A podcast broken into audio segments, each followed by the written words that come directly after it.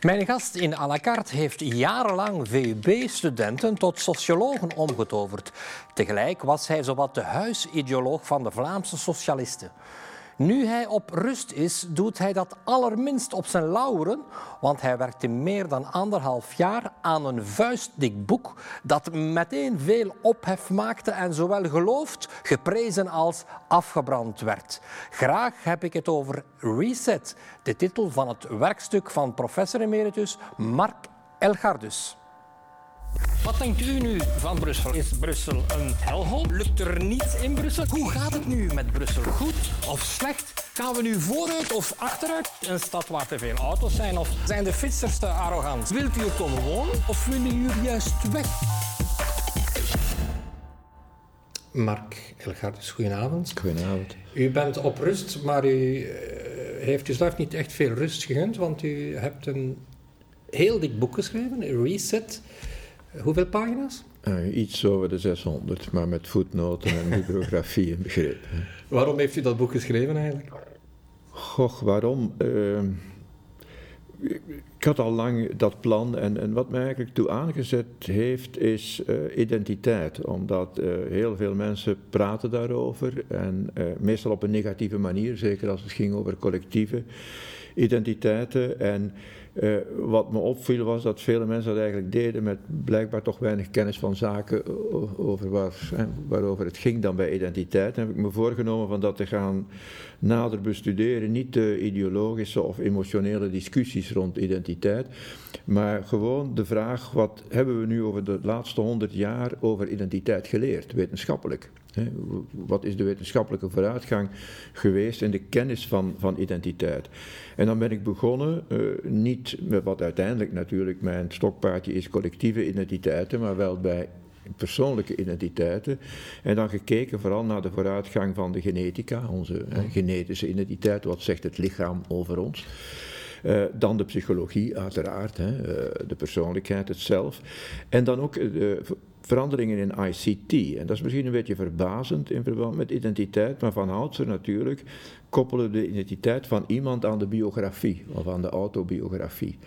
En ICT, uh, het, internet, uh, Facebook, Google, het gebruik van smartphone enzovoort, heeft de manier waarop uh, naar onze identiteit of onze biogra biografie wordt gekeken en hoe die wordt bijgehouden en hoe die wordt gebruikt. Hè. Het is een van de nieuwe vormen van kapitaal eigenlijk, grondig veranderd. En, en wat me daarbij opviel bij die drie uh, wetenschappen en hun technologische toepassingen was aan de ene kant het waarlijk spectaculaire karakter van de vooruitgang. En dan aan de andere kant het feit dat dat altijd grote zorg baarde. De psychologie, de vooruitgang daarin maakt ons dat niet te manipuleerbaar zonder dat we dat doorhebben. Uh, genetische manipulatie is dat niet ronduit gevaarlijk. Hè? Zozeer dat een moratorium wordt gevraagd op een aantal vormen van genetische manipulatie. De vooruitgang van uh, de cybergiganten, hè? Google, Facebook en, enzovoort, ja, uh, weten die niet te veel over ons. Hè? Sturen die niet ons voelen, denken en doen zonder dat we dat weten. Zijn zij eigenlijk niet de feitelijke eigenaars geworden van de publieke ruimte. Hè, zozeer dat zij een president van de Verenigde Staten het zwijgen maar kunnen opleggen. U heeft blijkbaar een zeer gevoelige snaar geraakt, want uw boek wordt dus uh, door bepaalde van uw vroegere vrienden, zullen we maar zeggen, echt afgebrand. Iemand als Louis Tobak uh, heeft een vreselijke kritiek ja, geschreven op uw ja, boek. Hoe, hoe komt dat aan? Want dat zijn toch mensen die u zeer goed gekend heeft? Wel, dat ligt in het verlengde van wat ik daarnet zei. Hè. Wat ik dan daaruit besloten heb, is dat die grote vrees die mensen hebben voor die vooruitgang, dat dat komt omdat ze het gevoel hebben dat die vooruitgang niet meer ten dienste van de mensen wordt gesteld. En ik denk dat dat gebeurd is omdat we, ja, van de jaren 70 tot ongeveer 2008, hè, de crisis, de banken- en financiële crisis, heeft daar toch wel een, een, enigszins een halt aan toegeroepen, een, een aantal zeer neoliberale decennia hebben gehad, waar uh, de identiteit, uh, ja, collectieve identiteiten werden opzij geschoven, gezegd dat dat achterhaald was, dat was ouderwets. Uh, de overheid, die kon niks goed doen, de markt moest het allemaal regelen. En dat is er wel verantwoordelijk voor dat die vooruitgang die we geboekt hebben, maar op een heel gebrekkige manier ten dienste van de mensen wordt gesteld. En mijn stelling die ik verdedig in het boek is inderdaad, ten eerste, de staat is teruggekomen. Hè, dat hebben we gezien in 2008. Het is de staat die de crisis heeft uh, opgevangen. We zien dat nu ook met, met deze pandemie, met corona. Dus dat is duidelijk. Maar de vraag is, welke staten kunnen goed optreden? Welke staten kunnen efficiënt en doeltreffend zijn? Dan is er een bevinding die in, uh, verschillende onderzoekers komen daartoe. Internationaal onderzoek wijst daar altijd op. Samenlevingen die erin slagen om, ondanks een diversiteit, en bijna alle samenlevingen vandaag zijn divers, die erin slagen om ondanks een diversiteit toch een gevoel van gedeelde lotsbestemming te creëren. Een gevoel van uh, we gaan samen daarvoor, naar dit project, hè, daar gaan we samen naar streven. Een gevoel van gemeenschap. Kortom, hè, degenen die daarin slagen, die doen het beter. Die doen het beter economisch. Dat thema dat u uitvoerig behandelt, en dat, thema is dat dan, zeer uh, ja. uh, harde reacties uitlokt. Het eerste deel van wat u vertelt over neoliberalisme lijkt meer op een links standpunt, maar men verwijt u dat uw nadruk op de gemeenschapsvorming. Uh, ja, iemand noemt u zelfs een reactionair. Yves Marx noemt u een bange blanke man. Dat zijn harde woorden. Ja, ik denk dat de meeste van die woorden wel komen van mensen die het boek niet gelezen hebben, maar dat is nu een andere uh, zaak. waar ik voor pleit is inderdaad gemeenschapsvorming, omdat ik vind dat de oorspronkelijke vormen van gemeenschapsdenken, die een belangrijke politieke rol hebben gespeeld uh, in Europa, die na de oorlog in zekere zin Europa hebben gemaakt. De christendemocratie en de sociaaldemocratie waren beide vormen van gemeenschapsdenken, maar hebben dat in grote mate laten verwateren en laten varen. Zijn te zeer meegegaan met een, een zeer liberale invulling van het politieke denken. En daar reageer ik tegen met de stelling dat gemeenschapsvorming belangrijk is. En gemeenschapsvorming impliceert natuurlijk een aantal dingen. Dat betekent dat je op een positieve manier over je gemeenschap durft te praten. En dat je ten eerste natuurlijk het verschil maakt tussen gemeenschappen die werken en gemeenschappen die niet werken. en die zijn gemakkelijk te erkennen. De gemeenschappen die werken, dat zijn degenen waar de mensen naartoe komen, waar de migranten naartoe komen. Dat is niet gemakkelijk van een werkbare gemeenschap te hebben, dat vergt wat. En als je dat wilt hebben, ja, dan moet je een aantal dingen doen. En onder andere hè, betekent dat dat je je gemeenschap moet afbakenen, dat je moet zien, betekent niet dat je moet afsluiten, integendeel. Hè. Werkbare gemeenschappen zijn gemeenschappen die zeer veel, veel uitwisseling hebben met wat buiten hen gebeurt. Hè, die, die zeer veel migratie hebben, maar migratie die je onder controle houdt. Hè. Dat dus, is een punt waarop heel veel kritiek kwam uit de linkerhoek. Heel veel kritiek komt. En, Betekent dat dat u voor een gecontroleerde migratie bent? Ja, ik, ik zeg heel duidelijk in dat boek hè, dat een moderne samenleving kan niet zonder migratie. Hè. Dus degenen die zeggen het boek is tegen migratie, hebben het niet gelezen of zijn mm. eh, kwaadwillend. Eh, een moderne samenleving kan niet zonder migratie. Maar het is heel belangrijk dat je controleert welke migratie. Dat, je nodigt mensen uit. Als je mensen uitgenodigd hebt bij u thuis, doet je voordeur open. Eh. Niemand gaat zijn voordeur uitnemen omdat hij af en toe eens iemand wil ontvangen. Dus en dat is het, het, standpunt van open grenzen. Geen, geen controle op wie binnenkomt. Ik vind dat je wel controle moet hebben en dat is heel belangrijk. Want als je dat doet dan kun je drie criteria nastreven. Ten eerste, is het goed voor het land van eh, aankomst? Ten tweede, is het goed voor de betrokken persoon, de migrant zelf? En ten derde, is het toch minstens eh, niet ten nadele van het land van herkomst? En als het enigszins kan, ten voordele van het land van herkomst. En als je die drie criteria, als je daar een beetje wil op maximaliseren, ja, dan moet je een soort puntensysteem gaan gebruiken en zeggen welke mensen willen we. En dat is heel belangrijk. En ik denk als je dat goed doet, dan gaat migratie in het algemeen ook een veel positievere klank krijgen. Ja, maar is dat niet heel moeilijk te doen als je ziet dat er in, in, in Brussel ongeveer 100.000 mensen zonder papieren zijn? Ja, hoe, ga je dat, hoe ga je dat controleren dan? Hoe ga je die punten geven? Ja, die 100.000 mensen is een resultaat van, van vroeger falen. Mm -hmm. Ik denk dat we, wat de toekomst betreft, heel ja, straks zullen moeten optreden tegen illegale migratie. Er is geen enkel land die dat aan kan. En Brussel op dit ogenblik illustreert heel mooi de gevolgen daarvan. Het is heel moeilijk in Brussel met 100.000 mensen die hier illegaal zijn. want eh, we moeten maar even denken aan, aan eh, toch de hoge werkloosheidsgraad in Brussel. Vooral bij jongeren en vooral bij jongeren, kinderen, kleinkinderen van migranten. Hoe, hoe, zouden zij aan een job kunnen geraken als ze moeten optornen tegen een, een, een zwarte markt met 100.000 mensen die daarop willen werken?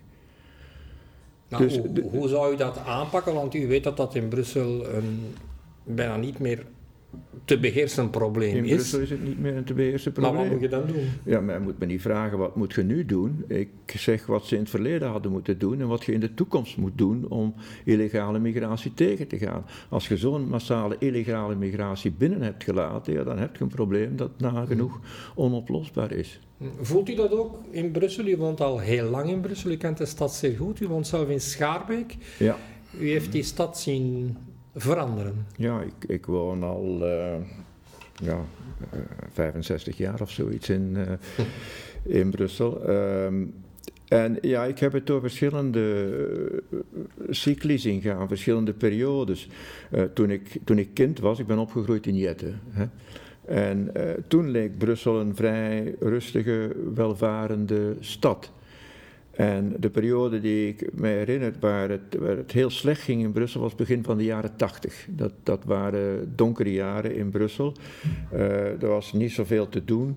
Uh, de, het voordeel ja, voor mensen die toen uh, huizen of appartementen wilden kopen was dat de vastgoedmarkt was verschrikkelijk was ingestort. Alles was heel dat was wel een voordeel, maar het was niet een. Eh, het was toen, een, ja, leek het een beetje een arme stad. En daarna is er een, terug een, een bloei gekomen, een grote verbetering. Eh, tot, tot, ja, tot voor een paar jaar, waar dan die, de huidige problemen van Brussel heel, uh, heel zichtbaar zijn geworden. Want u zegt in een interview dat u een, een, een, een gemeenschapsvorming ziet in Vlaanderen en een gemeenschapsvorming in Wallonië, maar dat u dat niet ziet in uw eigen stad in Brussel. Dat is een harde uitspraak. Ja, en, en uh, dat is niet zozeer uh, persoonlijke ervaring, want ik, uh, ik woon in een zeer gemengde straat, maar gelukkig eentje die, die werkt. Hè. Mensen kennen elkaar. Mensen geven ook wat om elkaar. Hè. Men let op mekaars zaken, men let op mekaars huisdieren als uh, mensen op vakantie gaan en dergelijke dingen. Dus het is een, een straat die werkt en nogthans heel, heel, heel uh, gemengd. Hè, om het, het woordje autochtonen nog eens te gebruiken. Ik denk dat we nog met drie of vier heel gezinnen, uh, heel divers, die straat. Maar, maar ze werkt.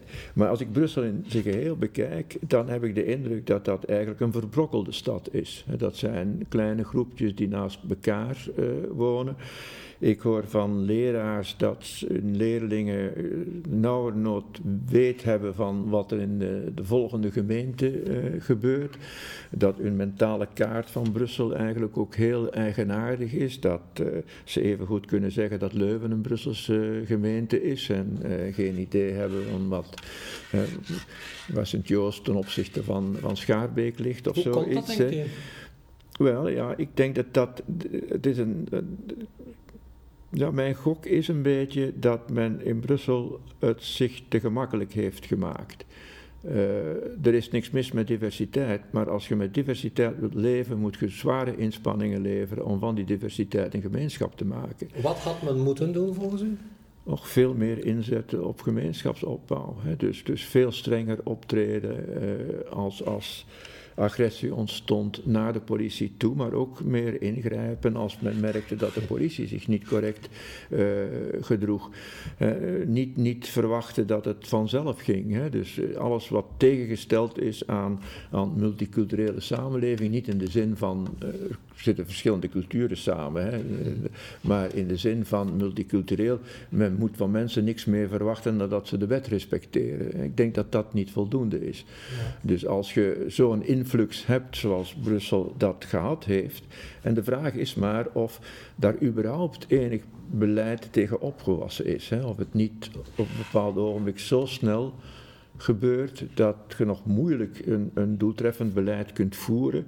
En dat je dan een periode door de problemen moet. Hè. Dat is ook mogelijk. Hè. Ik, wil, ik wil niet en u denkt dat wij in zo'n periode zijn? Wel, ik, ja, ik, het, het, land in zijn geheel en dan Brussel in het, in het bijzonder. We moeten toch even uh, beseffen wat dat allemaal is. Wij komen van een situatie waar op het landsniveau uh, een paar procent van de mensen van vreemde origine waren.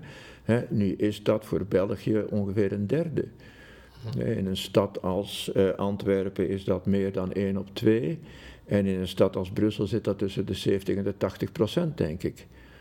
Ja, men sprak van Amerika als immigratieland. We hebben zoiets nooit meegemaakt daar. Hè. Dus moeten we wel beseffen wat dat voor een probleem is.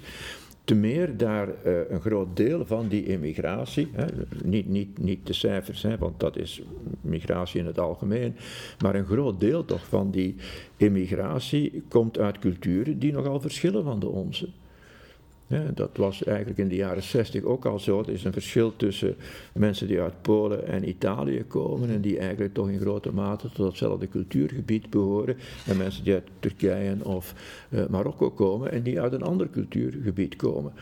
Dat kan, eh, maar dan moet men speciale inspanningen leveren. En, die, zijn niet, die zijn niet geleverd? Eh, nog op het niveau van België gedurende lange tijd niet. In de cruciale fases is dat niet gedaan geweest. Heeft u het dan over inburgering? het aanleren van de taal? Ja, maar zelfs, zelfs, er zijn geen inspanningen gedaan die mensen kwamen, hadden een, een, een andere religie die hier eigenlijk nog niet aanwezig was, nagenoeg. Ja, daar had men inspanningen voor moeten doen. Hoe kunnen we die religie hier opnemen? Men heeft dat eigenlijk grotendeels laten doen door mensen die door Saudi-Arabië gestuurd werden en die een veel fundamentalistische versie van uh, de islam aanhingen dan de mensen die hier waren.